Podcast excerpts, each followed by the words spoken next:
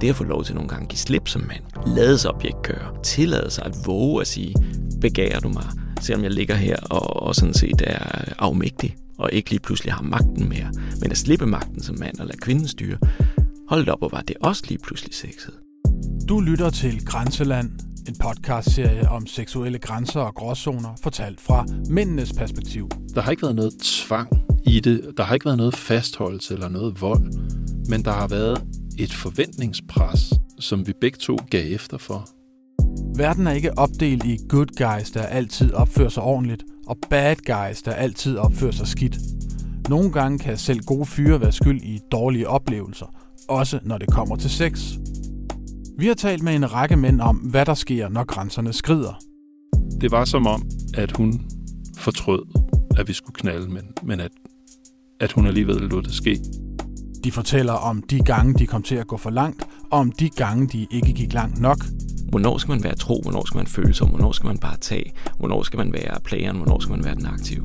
De fortæller om at være en erober, der forventes at tage initiativ, uden at blive en krænker, der overskrider en grænse. Vi har simpelthen to moralsæt og to opfordringer til, hvordan man skal leve seksuelt på samme tid, og det gør os knaldforvirret. Om hvordan det føles at bære det ansvar, og hvordan det føles, når man svigter det. Da jeg kom på afstand af det, så, så havde jeg det mærkeligt med det, og det var ikke noget, jeg følte, jeg kunne tale med, med mine venner om. For hvad nu, hvis vi faktisk kan få sjovere sex med færre fejltrin, hvis mænd begynder at tale om, når sex er svært og sårbart, og tvivlen nærer og ansvaret tynger? I denne udgave kan I møde Jakob, en 41-årig familiefar, der kan se tilbage på to tilfælde af grænseoverskridelser i sit liv. En, han selv begik mod en sød pige til en kollegefest herhjemme. Og da vi så begyndte at bolle, så tænkte jeg, at det var da mærkeligt, at, at hun mm, ikke var så aktiv mere. Og en begået mod ham af en verdensmand et sted i Europa. Og så da jeg vågner, så er han ved at sutte min pik. Og jeg tænkte, øh, hvad, mm, hvad gør jeg nu? I kan også møde den 50-årige filmklipper og dokumentarist Sten Shapiro. Jamen, jeg hedder Sten Shapiro. Der i overvis har beskæftiget sig med seksuelle subkulturer og mener, at vi andre kan lære en hel del om sex og grænser ved at se på SM- og bondage-miljøerne. Der er nemlig ikke så meget mystisk ved SM og fetish, som ikke kan genkendes i almindelig seksualitet. Det er bare taget til en ekstrem, så at sige. Man, øh, man skruer lidt op for, øh, for volumen. Mit navn er Rasmus Bo Sørensen. Velkommen til.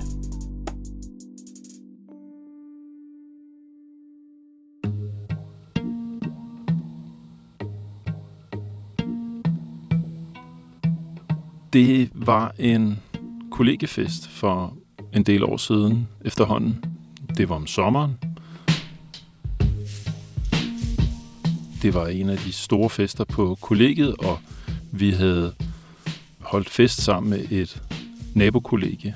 Den skulle have hele armen. Der var det store setup øh, med underholdning, og øh, vi var øh, selvfølgelig spændt på at, at se, hvem der ville komme fra det andet kollegie. Og der var masser af god energi i luften, og alle var opsat på, at det her skulle bare blive et brag en fest.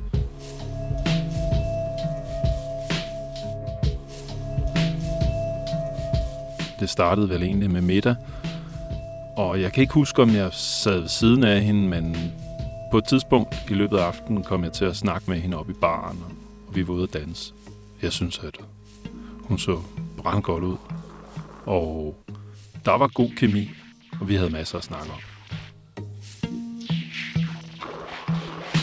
Lynhurtigt så fik jeg fornemmelsen af, wow, tænk hvis man kunne score sådan en pige som hende her. Og ligesom de fleste andre i selskabet var jeg single, så den, den skulle bare have hele armen. Og på et tidspunkt, mm, ude på aftenen, ja, begynder vi at kysse, og ja, det var fedt. Vi var fulde, og det var skæg, øh, og det var sommer, og alt var godt. Og så blev vi enige om at tage øh, hjem til mig. Og vi kom op på mit værelse, og ja, sådan klassisk øh, slag i slag, øh, af med tøjet, kysse, og lige pludselig så ligger vi, og jeg får sat et øh, kondom på. Og så var det, øh, som om jeg kunne mærke, at hun skiftede humør på en eller anden måde, hvor hun havde været meget livlig og snakkende og fløtende og mm, øh, varm, så kom der noget distance over hende. Øhm, og alligevel var det ikke en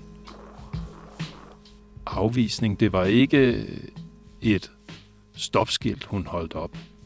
Det var mere øh, som om, at hun gled lidt væk øh, i kontakten, og, og da vi så begyndte at bolle, så tænkte jeg, at det var da mærkeligt, at, at hun mm, ikke var så aktiv mere.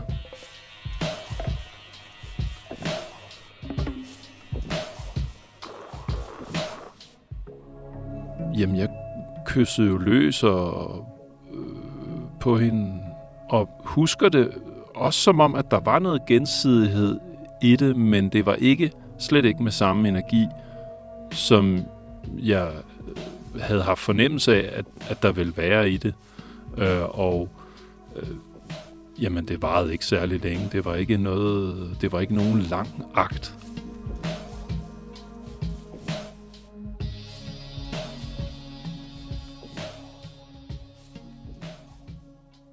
Der var ikke noget med, hun, hun skubbede mig væk eller noget som helst, men, men det var ligesom, det var et knald, og så var det det, og jeg kan faktisk ikke huske, om hun Øh, blev og sov, eller om hun... Måske faldt vi bare i søvn, fordi vi var så fulde, og da jeg så vågnede igen, var hun ved at tage tøj på og, og på vej øh, hjem. Og jeg hørte aldrig mere til hende. Det var før mobiltelefonerne, så måske havde jeg en forventning om, at hun ville lægge et nummer, eller sige et eller andet om, at vi skulle ses igen. Men det gjorde hun ikke, og der... jeg har aldrig mødt hende siden. Og det var det var sådan lidt underligt og lidt ærgerligt, fordi jeg havde tænkt, at hun var da, sådan som aften var skrevet frem, og sådan som vi havde snakket sammen, havde jeg da håbet, at, at vi kunne blive kærester, og at det her bare var, at det bare startede med, med en fed øh, festaften. Jeg havde en fornemmelse af, at det var, det var ærgerligt, at det ikke blev til mere. I forbindelse med, med hele MeToo har jeg tænkt tilbage på, hvad der kunne være af situationer, og jeg har tænkt over det mange gange for ligesom at scanne min erindring for, om der har været noget nogle gange, eller nogensinde, hvor jeg helt klart har tvunget sex igennem over for en kvinde mod hendes vilje. Noget, hvor hun sagde nej, eller klart signalerede, det vil hun ikke. Og det det, det kan jeg helt ærligt ikke erindre, at jeg har. Men den her øh, episode rimer alligevel lidt på det, fordi hun, når jeg tænker tilbage på det, måske alligevel ikke havde lyst, men lod, lod det ske. Det var som om, at, at hun fortrød, at vi skulle knalde, men, men at, at hun alligevel lod det ske. Og hvis jeg selv havde haft en bedre fornemmelse af mine egne grænser, og en bedre forståelse af øh, samtykke omkring sex dengang, så ville jeg være stoppet. Og, og det, ja, det, det håber jeg, jeg vil. Sådan så, at man kunne have endt aften med, jamen, øh, okay, øh, er det fordi, du synes, at det går lidt for hurtigt, eller øh, skal vi, har du overhovedet lyst til sex, eller, eller et eller andet, fordi så, øh, så kunne det måske have været, at, at vi havde kunne se hinanden igen.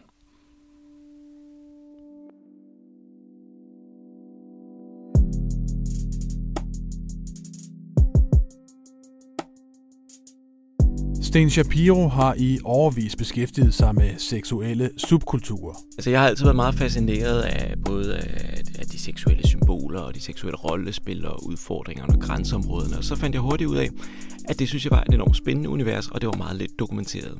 Min kollega Anna von Sperling satte sig ned med den 50-årige filmklipper til en snak om, hvad vi andre kan lære om sex og grænser ved at studere SM- og bondage-miljøerne.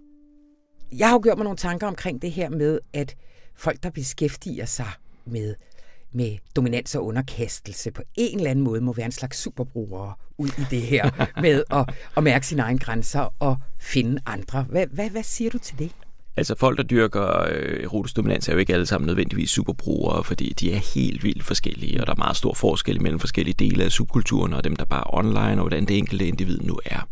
Men det der fælles er, når først man begynder at rejse ind i det her område med overgivelse og med fascinationer og med symboler, så begynder man ligesom at gøre seksualiteten rituel på en eller anden måde. Man siger simpelthen til sig selv og til hinanden, jamen nu indtager vi nogle bestemte roller, nu laver vi lidt om på spillereglerne, nu skaber vi et undtagelsesrum. Det er et undtagelsesrum, som også øh, er fyldt med symboler fra farverne til duftene til musikken, og det lyder virkelig bare som rigtig god sex derhjemme, og det kan det også godt være. Men her har vi ligesom sagt, nu tager vi det et lag højere, eller et lag dybere, men ved et lag mere farligt, fordi vi også går ind og tager nogle roller på os.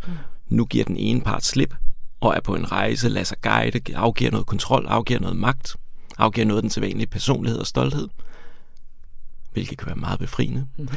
Og den anden part, altså den, der, der siger, jamen nu, tillader jeg mig at styre, nu tillader jeg mig at guide, nu tillader jeg mig at tage, og nu tillader jeg mig at, at slippe, slippe dig fri, som jeg har lyst til, og som jeg fornemmer, tag dig derhen et sted, hvor jeg fornemmer, at du skal hen, hvor jeg fornemmer, at det, hvad du trænger til.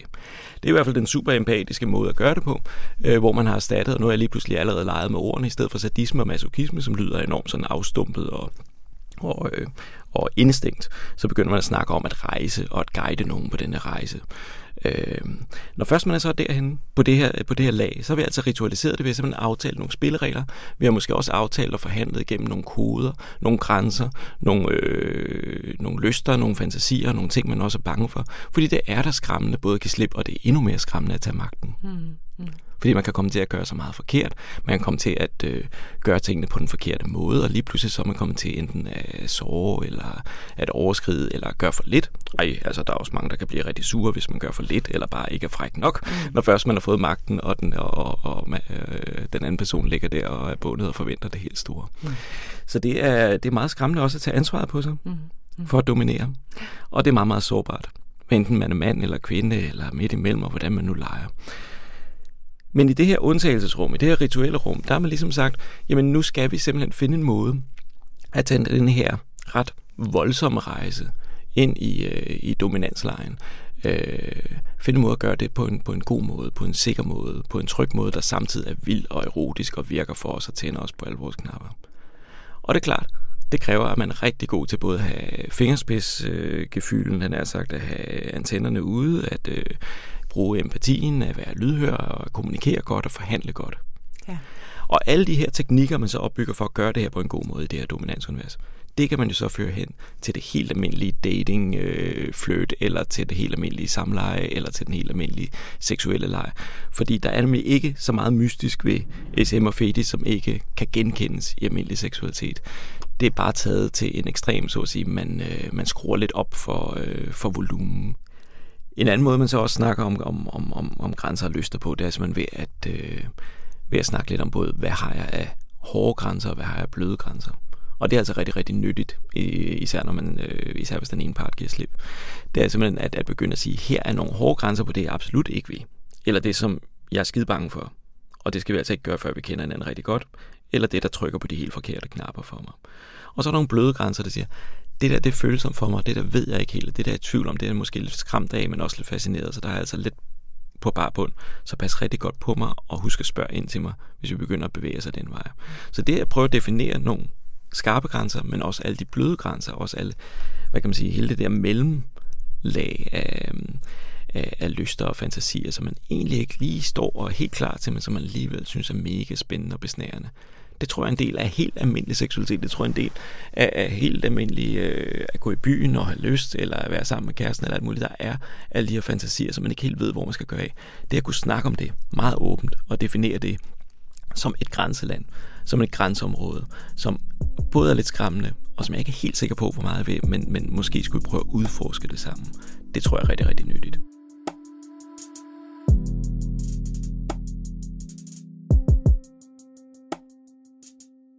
Hvad vil du gerne have, der kommer ud af, at du øh, deler den her historie? Måske kan den være med til at give et eksempel på noget af det, der er med til at gøre MeToo relevant. Fordi siden den her bevægelse virkelig fik fat, har jeg haft en klar fornemmelse af, at ja, der er nogle øh, mandemonstre derude, ligesom der er nogle kvindemonstre, men, men ja, de fleste øh, overgreb og, og, og de fleste øh, seksuelle krænkelser går ud over kvinder. Og det er ikke så meget monstrene i sig selv, fordi de er nemme nok at fordømme. Men kampagnen er vigtig, fordi der er en struktur i, i vores samfund, selvom vi bilder os ind, at vi er så frigjorte og at kvinder har så gode vilkår i Norden og i Danmark, så er der stadigvæk en matrix eller nogle mønstre, der gør, at selvom man er en good guy, selvom man aldrig har voldtaget, selvom man aldrig har vold, øh, slået nogen ihjel eller øh, slået nogen øh, kvinder eller mænd for den sags skyld, så er der alligevel rigtig mange, øh, både mænd og kvinder, som ubevidst kommer til at understøtte de strukturer, der gør, at monstrene kan færdes stadigvæk. Og min historie kan måske være en lille brik i forståelsen af, hvorfor at vi kommer til at vedligeholde øh, de her strukturer.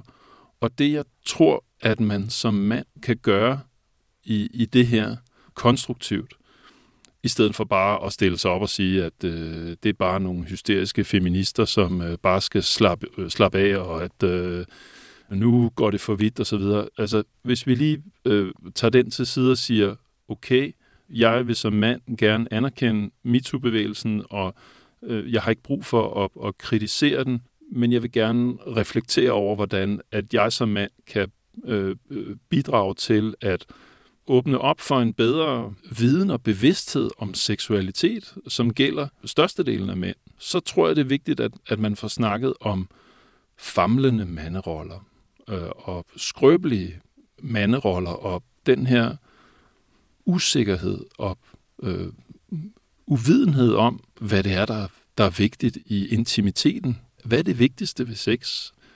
Det er jo ikke bare knalde og få en orgasme. Det er jo det, jeg vil ønske, jeg havde lært hjemmefra.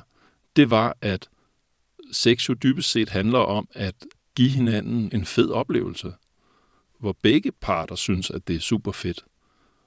Det er der rigtig mange mænd. Også kvinder, men nu taler jeg kun på mit eget kønsvegne. Det er der rigtig mange mænd, som ikke har lært hjemmefra, og som vokser op med at prøve at famle sig frem til, hvordan man bliver en mand. Øh, hvordan bevæger man sig fra at være en dreng til at være teenager, til at være en voksen mand? Hvem skal man, hvem skal man læne sig op af? Og der mangler vi så meget nogle gode rollemodeller. Men hvis du ser på de her unge drenge derude i landskabet, hvor tænker du, de er lige nu i vores sådan, seksualitetens verdenshistorie? Hvad er det, de står overfor? Altså en af de, et af de store problemer omkring seksualitet lige nu, især når man er ung, det er jo for fanden at finde ud af, hvad, hvad er de seksuelle koder egentlig i den her kultur, vi har. Jeg plejer at sige, når jeg, når jeg holder for om det her, at vi har et dobbelt paradigme i gang. Vi er ikke midt i et paradigmeskifte, vi har simpelthen et dobbelt paradigme. Vi har øh, et kulturlag, der siger, at øh, du skal prøve det hele, ellers er du kedelig, og vi skal da være kinky, det er næsten på mode, og vi skal da også være lidt bi, og vi skal da alt muligt forskelligt. Og, øh, så, samt, og, det, og det er fedt, og det er nærmest, øh, det, der, det, det siger vi, det får vi at vide i musikvideoer, i reklamer og på DR3 hele tiden. Ikke? Og, øh, og så samtidig så har vi et andet moralsæt, sideløbende, der siger, pas nu på, og du skal ikke være en hore, du skal ikke være en skøge, du skal ikke være en plager, du skal finde den eneste ene, øh, og du skal ikke sådan, øh, du kommer til at, at, at, at øh, såre dig selv, hvis du går ud og udforsker de her ting. Så vi har simpelthen to moralsæt og to opfordringer til, hvordan man skal leve seksuelt på samme tid, og det gør os knaldforvirret, især som unge, men så sandelig også som ældre. Man skal både ikke være kedelig og udforske det hele, og samtidig så skal man da endelig holde sig til den eneste ene og være tro. Så det er mega, mega svært at navigere i. Og hvordan skal man så gøre det som pige? Øh, det har vi jo snakket masser om, det der med Luther, Madonna, skismet og så videre, det er jo, øh, det, er jo det, det har vi snakket om i århundreder. Men som mand er det satme også svært. Hvornår skal man være tro? Hvornår skal man føle sig? Hvornår skal man bare tage? Hvornår skal man være playeren? Hvornår skal man være den aktive?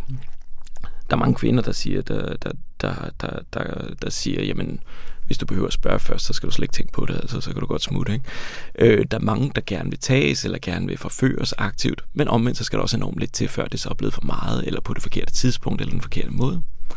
Vi har nogle enorme dobbeltheder i vores kultur. Så ligesom det her dobbeltparadigme, så har vi også nogle dobbeltheder i vores sprog.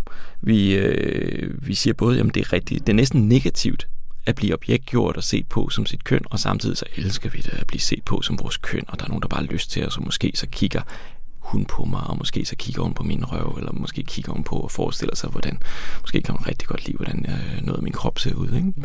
Og det samme som kvinde. Mm. Måske så kigger han ind gennem forhængen, og måske så står han og studerer mig, mens jeg står i badet. Ikke?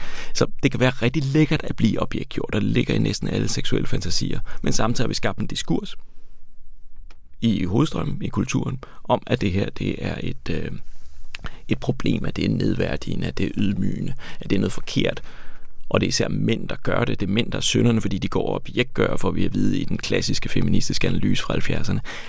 Og den giver jeg ikke så meget for, fordi jeg tror simpelthen, at det med at objektgøre, det med at gå ind i et fascinations- og symbolunivers, er en implicit del af seksualiteten. Det er en del af det, der tænder os. Det er en del af den måde, vi tænder på. Vi vil bare gerne gøre det, gøres det med, vi vil gerne have, at det gøres med en eller anden form for respekt, med en eller anden form for nærvær, eller på, den, på, på en måde, som, som, som vi har det godt med det er ligesom med ordet ydmygelse. Udenbart så tænker vi, at det er jo forfærdeligt at blive ydmyget, men holdt op, og der er mange, der tænder på seksuelt også, at få skrællet lidt af stoltheden væk, og bare blive taget og få lov til at klynke og tække og tage og give. Ikke? Mm. Det er også mega ydmygende for manden at stå der som et liderligt bæst, der bare er tændt og stor grønte og stønne og hvad ved jeg, som man, altså, som man ser i bogen. Der er masser af ydmygelse i det hele, og det er noget af det, der er så fascinerende for os, fordi vi reduceres til et seksuelt selv, et næsten dyrisk selv, eller et liderligt selv, som ikke nødvendigvis hænger fuldstændig en til en sammen med den person og personer, vi er til daglig. Mm. Med vores stolthed, med vores facader, med vores, øh, vores viljestyrke. Nogle gange er det bare rart at slippe alt det og bare blive taget, blive forført og komme hen et sted, hvor vi bare danser sammen. Og det er seksualitet for, øh, for mig at se.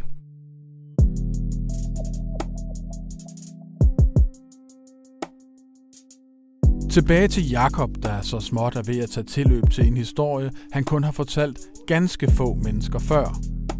Den handler om en gang han selv oplevede at få sine egne seksuelle grænser overtrådt. Det er igen en del år tilbage. Jeg var ude at rejse, og var på et tidspunkt i en storby, hvor jeg helt tilfældigt øh, støder ind i en ældre mand på alder med min far, som var en af de lokale, en flot, velklædt mand, som jeg faldt i snak med, og som jeg meget hurtigt blev ret betaget af.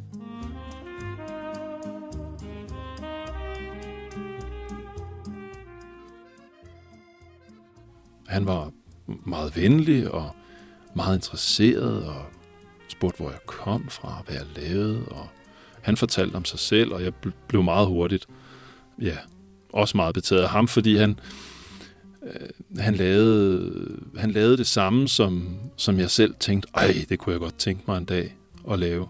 Øh, men han havde det nærmest som et bidjob, fordi det meste af sin tid brugte han på at, at rejse rundt i verden og tage billeder og lave fotoreportager. Og, og øh, jeg tror, jeg har været en, jamen, jeg har været en 18-19 år eller sådan noget, og det, det var bare, wow, jeg stod over for en verdensmand her. Ikke?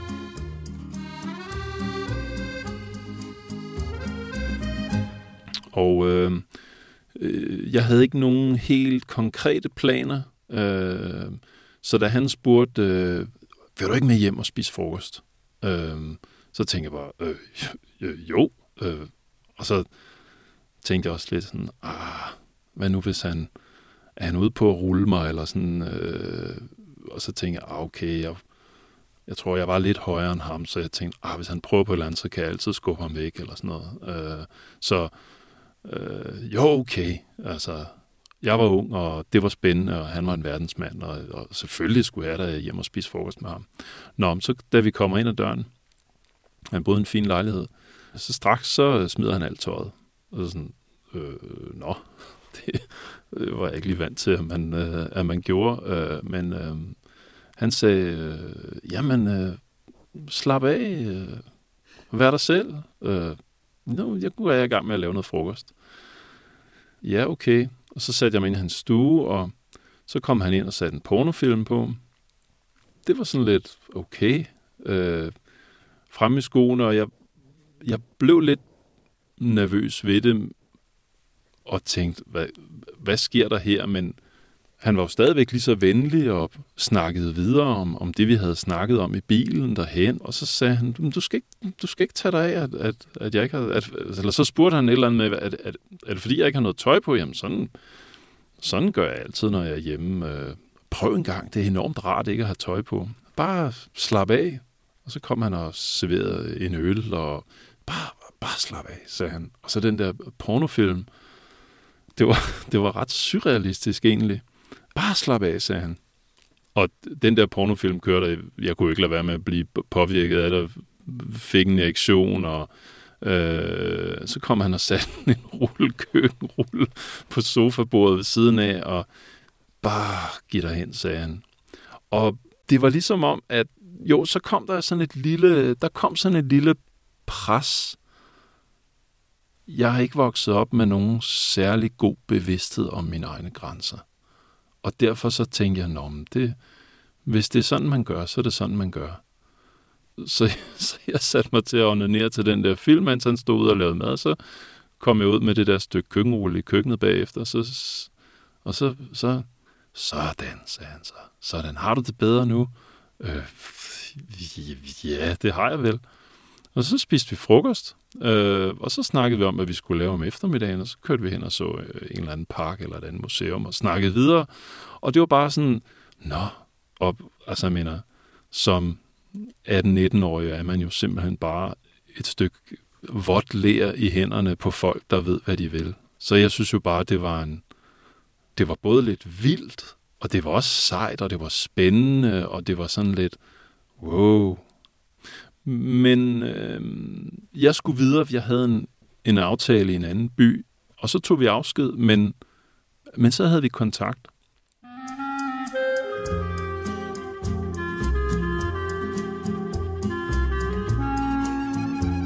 Og så gik der, samlet set var det vel over en periode på et par år, hvor vi så, øh, hvor vi så skrev sammen, og hvor jeg øh, og anden gang, vi så så hinanden, det har måske været et år senere, eller sådan noget, hvor jeg kom tilbage til byen der, og, og, og var oppe i hans lejlighed. Øhm, og hvor vi så igen spiste frokost, øh, og hvor øh, han så fik hældt lidt mere øl på mig, og hvor vi så sad i sofaen og snakkede. Og der var ikke noget pornofilm, men, øh, men vi sad ved siden af hinanden, og jamen, jeg havde jo selvfølgelig taget tøjet af, ligesom han havde, og det var bare øh, hyggeligt og rart, og den her meget spændende mand. Og så på et tidspunkt, så falder jeg i søvn af indtryk og alkohol, og øh, det havde sikkert også været sent aften før, et eller andet.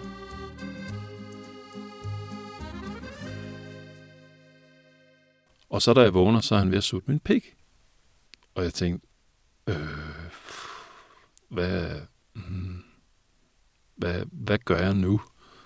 Og, det, og jeg kunne ikke rigtig, altså, ja, jamen, jeg kunne ikke lade være med at have en reaktion, øh, fordi det havde jeg, og hvis jeg lukkede øjnene, så føltes det jo rigtig rart, øh, og det var bare, jeg var ligesom inde i det der univers af, at det her, det var en helt speciel person, og nogle helt specielle oplevelser, specielle samtaler, og jeg var virkelig en del pludselig, altså det, det var som om, jeg var inde i sådan en boble af, al europæisk kulturhistorie og den her fremmede, spændende mand, og som havde så mange historier og var så interesseret i mig og lyttede hver gang jeg fortalte noget, så lyttede han. Og øh, nå, så suttede han min pik, og jeg kom, og øh, han, og det, og det var bare helt stille og roligt. Der var intet aggressivt over det. Det, det var helt stille og roligt. Og han var bare sådan, glad, og hvor er, det, hvor er det fedt at snakke med dig, hvor er det, hvor er det, hvor er det hyggeligt, du er her, og sådan noget.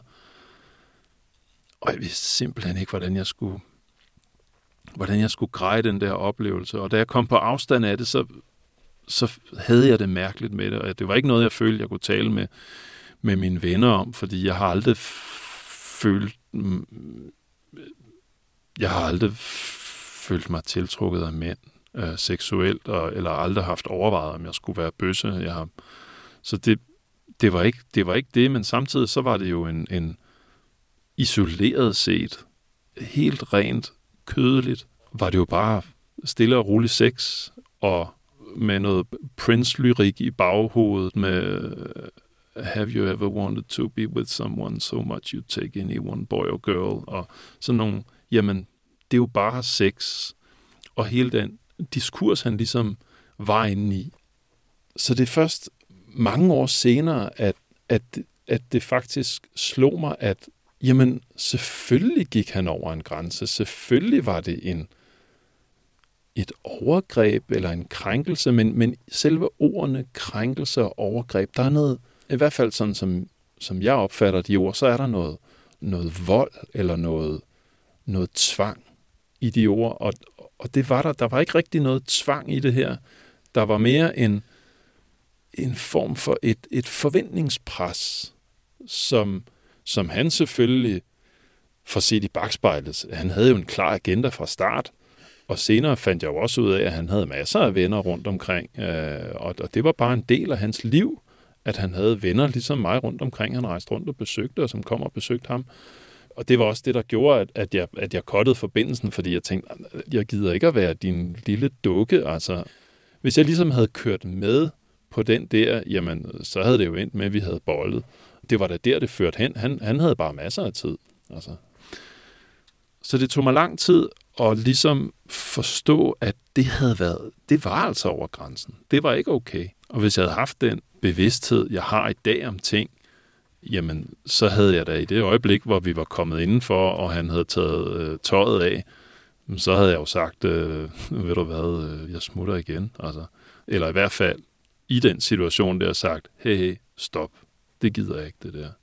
Men ja, jeg var ung, og, og det var den oplevelse. Øhm, men fordi, som jeg sagde før, jeg voksede op med ikke at have nogen særlig god fornemmelse af, af mine egne grænser, det er kommet alt for sent i virkeligheden, og derfor så, så er jeg også uforvarende, og måske noget, jeg har fortrængt, kommet til at overtræde andres grænser øh, på et tidspunkt, og, og ja, det kan man lige så godt stå ved.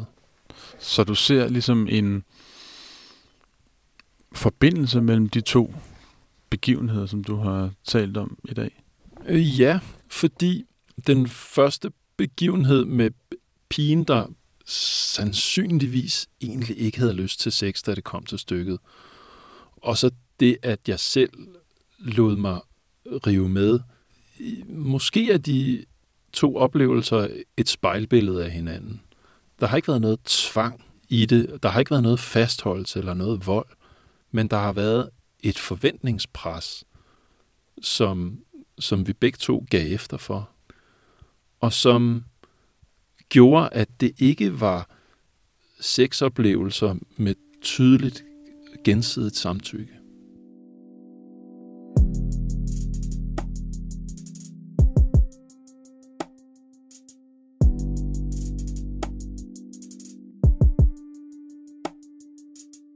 Hvad tænker du om hele det her felt om, hvad skal man sige, mænds deltagelse i de her diskussioner og i den offentlige debat, også om, øh, om de her emner? Jeg synes, jeg synes, at MeToo bliver bundet af sit medie, og jeg tror, det er rigtig vigtigt at prøve at forny den her debat, føre den et andet sted hen på et andet plan, et andet og, medie. Og hvorfor er det vigtigt? Fordi vi behøver den her dialog, fordi det er vanvittigt vigtigt at gøre op med nogle, øh, nogle magtstrukturer, der er ligget i, i, i samfundet, og især på arbejdspladsen og på andre måder. Det er enormt vigtigt at høre, hvor mange der egentlig føler sig krænket og udsat for overgreb. Og det er jo fantastisk, er der kommet den bevidsthed her det sidste halve år. Men for at kunne komme videre, så skal vi hen i, i, i et andet dialogbaseret projekt, altså i et andet, i et andet, så skal den føres over i noget, i noget egentlig dialog, ligesom, ligesom det vi gør nu, tror jeg. Og der er det jo helt klart, at der er det jo rigtig svært også for manden, der lige pludselig er blevet, altså indtil for et halvt år siden var vi enormt queer alle sammen, og vi skulle ikke kigge på mænd som mænd, og nu snakker vi kun om kvinder og mænd som nogen, der nærmest er fremmede væsener for hinanden. Ikke? Der er det enormt vigtigt også at sige, hvordan, hvordan, hvordan skal de navigere i det her? Og hvis vi kan skrue den helt tilbage til, til, til, til, til det seksuelle niveau, til flirt og, og scoreniveauet, hvordan skal man så være mand? Og der er mega svært at være mand i dag, også som ung. Ikke kun fordi, at man kan være i tvivl om, øh, man skal være en player, eller man skal være smart, eller man skal være trofast, men der er også virkelig svært efterhånden at finde ud af, skal jeg være en blød mand, skal jeg være en hård mand, skal jeg gå rundt og ligne en hipster skovmand, skal jeg gå rundt med min hoodie og være sådan lidt en forjør, skal jeg være den søde barnefar, der vasker op. Øh, hvordan skal jeg være seksuelt? Og der tror jeg, det er enormt vigtigt at sige, at, øh, at man godt kan være mand, selvom man lytter og forhandler. Man kan godt være mand, selvom at man øh, spørger ind til tingene, også undervejs i seksualakten. Man kan godt være den aktive, der tager, og det kan være skide macho, at, øh, at lytte, at spørge, at tjekke, at drage omsorg. Men man skal fandme også have lov til at, at, at, at, at komme steden, hvor man bare tager, hvor man også bare bruger lysten og potensen, hvor man bliver anerkendt for, øh, for den... Øh, brutalitet og det begær, som, som, som man også har. Men du siger jo, at de to ting godt kan sameksistere. Og, og, det, øh, og det viser den der, hvad skal man sige, erfaringerne også fra, øh, fra, øh, fra dominansmiljøer, at man kan være øh, stærk og øh, dominerende og liderlig og alting, men samtidig have nogle fuldstændig klare spilleregler, og samtidig være i en forhandling og have hvad skal man sige, følsomme fingerspidser hele vejen? Jamen det, der simpelthen er, er guldgruppen af lærere, som jeg har hentet fra, fra, fra Dominans og Fetish-universet, er, at det er fyldt med paradoxer. Og det er okay. Det er der paradoxerne, som lige frem giver mening, når vi snakker om seksualitet, fordi seksualitet er svært at få til at give mening. Paradoxerne i, at man både kan være fri og bundet på samme tid. Paradoxerne i, at man både kan være ydmyget og stolt på samme tid. Paradoxerne i, at det både kan være hårdt og blidt på samme tid. Paradoxerne i, at, at man både godt kan være rigtig aktiv og stærk, samtidig med, at man er empatisk og lyttende. Paradokset i, at man godt kan være stolt, samtidig med, at man klynker og tigger. Alle de her dybe paradoxer, der ligger, når først man skruer op for det seksuelle ind i, i fetis eller SM-universet, de kan overføres på helt almindelig seksualitet. Og det tror jeg er rigtig vigtigt, når vi har diskursen omkring seksualitet, når vi snakker om det her, når vi tænker over det, det er, at vi giver os selv lov til at være paradoxale og selvmodsigende ja, jeg har både lyst til det her, og samtidig er jeg bange for det. Ja, jeg føler mig både svag og stærk på samme tid. Og ja, jeg vil faktisk gerne overskrides lidt, men ikke på en måde, så jeg krænkes.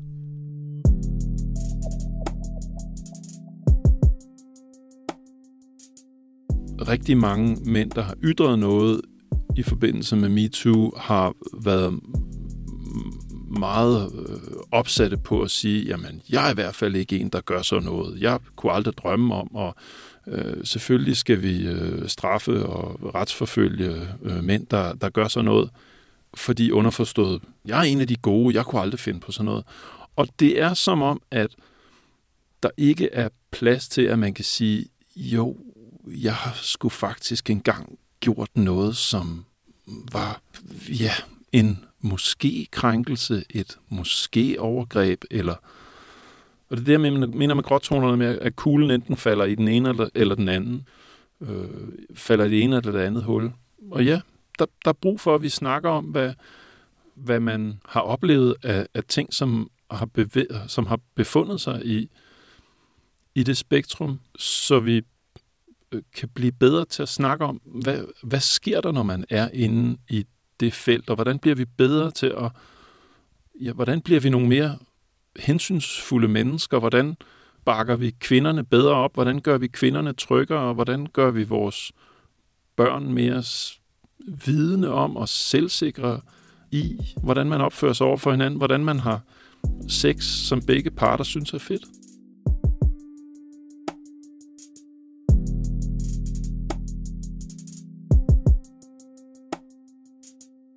Kan vi, når vi skal sende vores børn i byen her, når de bliver 17 år og skal ud og navigere i det her svære felt, kan vi give dem noget, nogle redskaber? Altså, kan vi give dem lidt nogle, skal man sige, grundlæggende færdselsregler i seksualiteten, der mm. måske gør, at de kan øh, få det friere og dejligere med lidt mindre risiko for at gøre skade på hinanden? Altså det, der er så svært, er, at vi simpelthen skal omfavne nogle af de her paradoxer, som også ligger i, jamen vi vil blive lidt såret, når vi dyrker seksualitet. Det er mega følsomt. På en eller anden måde, så skal vi hen til en eller anden, i den her mærkelige øh, brydningstid, så skal vi hen til en eller anden øh, snak om, hvad er det, der er heldigt for os nu. Når nu Gud ikke er med os mere, som du siger, når nu den gamle skam og katolicisme og protestantisme og så videre ikke er med os mere, hvad er det så, der er heldigt? Hvad vil vi gerne være? Hvad vil vi gerne stræbe efter seksuelt? Vil vi gerne være til mange? Vil vi gerne være til den eneste ene? Hvordan kan vi afklare det her? Vil vi gerne ud og udforske og bruge vores krop og lege med seksualiteten? Eller vil vi gerne holde den hjemme i privaten? Lad os vælge, hvad det er, vi vil, hvad det er, vi synes, der er heldigt. Øh, og, så, og, så, og, og hvad som er tabu, som er et andet ord for heldigt. Lad os vælge det, lad os prøve at afklare det. Og hvis der er nogle modsatrettede følelser, så skal vi skulle fortælle vores unge, at det er okay. Det er okay både at have lyst og at være lidt skamfuld omkring det, fordi det er virkelig svært, og sådan er det altså også for voksne. Mm. Hvordan kan vi nogensinde undgå, at man øh, kan komme til at øh, overskride nogle grænser? Det kan vi ikke. Og det må vi også være meget ærlige med. Hvordan kan vi gøre vores allerbedste for at hjælpe hinanden med, at vi undgår at komme i sådan en situation? Jamen det kræver, at alle parter, både pigen og manden, og både den aktive og passive, som ikke nødvendigvis behøver at være delt op i mand og kvinde. Øh, og hvad enten man så er pige, eller queer, eller, eller homo, eller hetero, eller hvad fanden. Det er simpelthen at være meget åben omkring, hvad er det, jeg gerne vil have for dig, og hvor går grænserne. Og jo mere man kan det, jo mere åben man kan det, jo mindre behøver man at drikke sig sanseløst beruset, eller at være helt stum og tavs og ikke kunne sige noget. Det er simpelthen så vigtigt at få et sprog og en samtale om det her, og at afklare lidt med en selv, hvad er det, jeg gerne vil have, hvad er det, jeg brænder for, også selvom at det er selvmodsigende. For det er i selvmodsigelserne, at erotikken ligger. Mm. Kan vi overhovedet, kan, kan, man, kan, man, kan en forældre tale med, med deres unge om sex? Giver det overhovedet mening? Jeg, jeg kan da selv huske, at jeg bare havde det sådan, ad det er ulækkert at min mor er eller min far, eller sådan. Altså, er der overhovedet et samtalerum der? Men det er jo en fin pendant til alt det her, når nu vi snakker så meget om krænkelse og krænkelseskultur og overskridelse, og vi må endelig ikke overskride, fordi vi kommer til at overskride, både seksuelt, men også bare i at tale om det. Det er overskridende. Det er overskridende at tale om det med sine forældre, det er overskridende at tale med hinanden om det. Og det er det altså. Det er en del af gamet. Og ja, det bliver lidt såret, og ja, jeg kan da sagtens huske første gang, mine forældre snakkede om det her med mig, helt øh, for 35 år siden. Ikke? Jeg kan huske det som i dag, fordi der var nogle overskridelser i det, men de var jo nødvendige.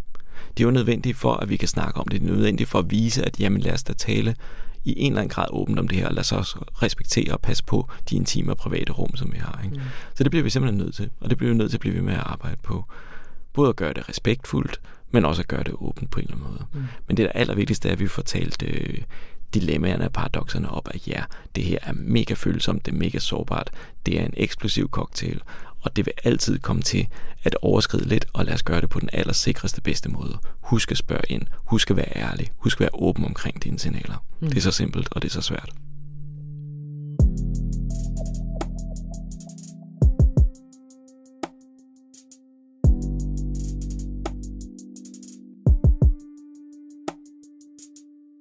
Du har lyttet til Grænseland, en podcastserie fra Information om seksuelle grænser og gråzoner, fortalt fra mændenes perspektiv. Du kan læse meget mere om projektet på information.dk-grænseland, hvor du også kan tilmelde dig vores serie og få direkte besked, når der er nye podcasts og artikler. Hele projektet er støttet af Foreningen Roskilde Festival, og tusind tak for det. Denne udgave blev klippet af Malte Vurala. I redaktionen sad Anna von Sperling og mig selv. Mit navn er Rasmus Bo Sørensen. Tak for denne gang.